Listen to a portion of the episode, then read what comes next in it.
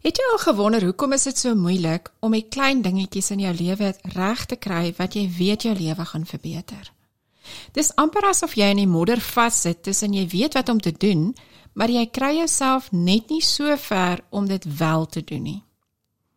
'n Mens noem dit die kennisstruk. Jy het die kennis om jou lewe te verander, maar jy kry jouself nie so ver om oor te gaan in aksie nie. As hierdie situasie spot on is vir jou of jy ken dalk iemand wat so voel, bly gerus ingeskakel vir die derde episode van Mentjie se kompas.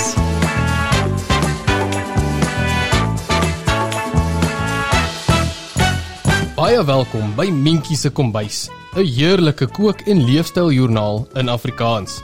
Hier gesels ons land en sand om die kombuistafel oor al die lekker dinge van die lewe.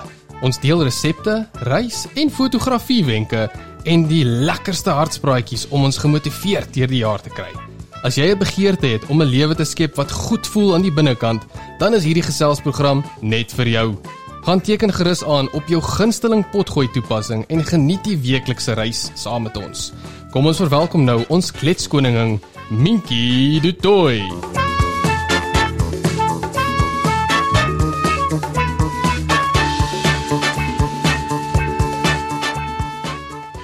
Ken seker die storie van Pieter en Gertjie, die twee paddatjies wat op die kombuistafel gesit het. Hulle het so rukkie vroeër vanaf die vensterbank in die kombuis ingespring en toe hulle van die tafel afspring grond toe, belei beland albei per ongeluk in 'n groot melkkan. O genadetjie tog, sê Gertjie. Vandag is die einde van ons. Ons gaan verdrink. Trap Gertjie, trap, skree Pieter, vasbeslote om uit die penarie te kom. Ek is moeg, Pieter. Ons sal nooit uit hierdie kan melk kan ontsnap nie. En arme ou Gertjie het sommer net moed opgegee en verdrink. Maar Pieter was vasbeslote en sonder twyfel het hy elke oomblik wat hy in die melk wat hy het hy die oomblik wat hy in die melk geval het besluit hy gaan trap totdat hy uitkom. En nie lank daarna nie kry hy vastrap plek en spring uit die kan melk uit. In 'n oomblik van 'n besluit het Pieter so hard en vinnig getrap dat die melk begin het om botter te word.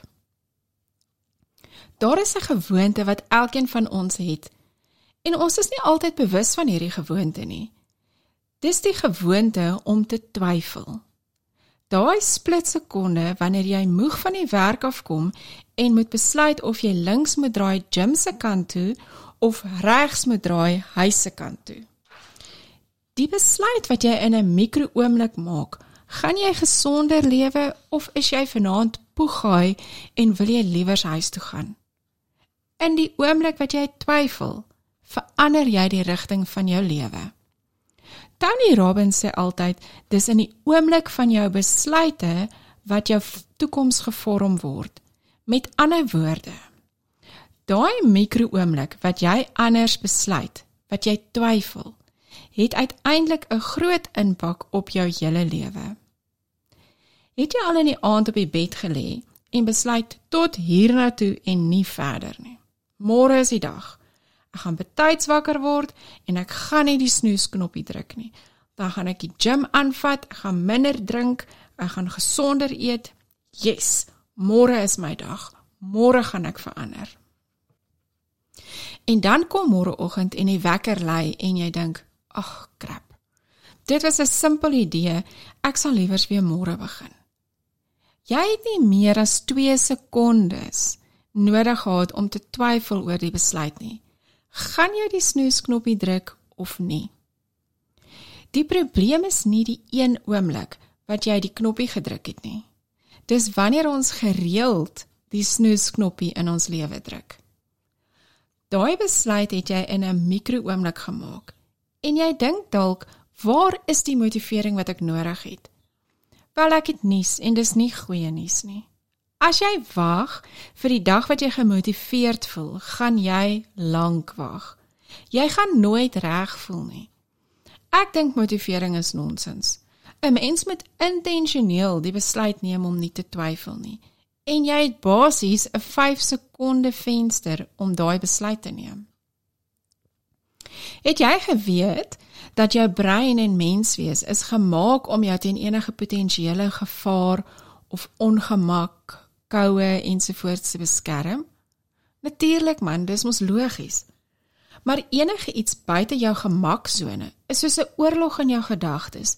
Jou brein sê, "Hokkai, hier's ongemak. Dalk is dit gevaar, jy moet terugstaan." En dis hoekom dit so moeilik is om nuwe gewoontes aan te leer. Die vraag is, hoe kom 'n mens uit jou gedagtes uit en gaan oor tot aksie? En dit is eintlik heel eenvoudig. Jy moet net jou brein uitoor lê. Jy moet net 'n manier kry om die mikrooomblik van twyfel te beheer. En dis presies waar Mel Robbins se 5 sekonde reël inkom. Ek weet nie of jy al haar boek gelees het, die 5 second rule nie, maar ek sal dit beslis vir enige iemand aanbeveel. Sy vertel in die boek van 'n tyd waar sy platgeslaan was in haar lewe, op die punt om alles te verloor. Sy was werkloos en so ongemotiveerd, soos wat 'n mens maar kan wees as dit voel asof alles om jou in duie stort. Sy het gereeld die snoesknoppie gedruk. Skaars uit die bed geklim en haar kinders was altyd laat vir skool. Sy het geweet wat sy moet doen, maar sy kon net nie uit haar kop kom nie.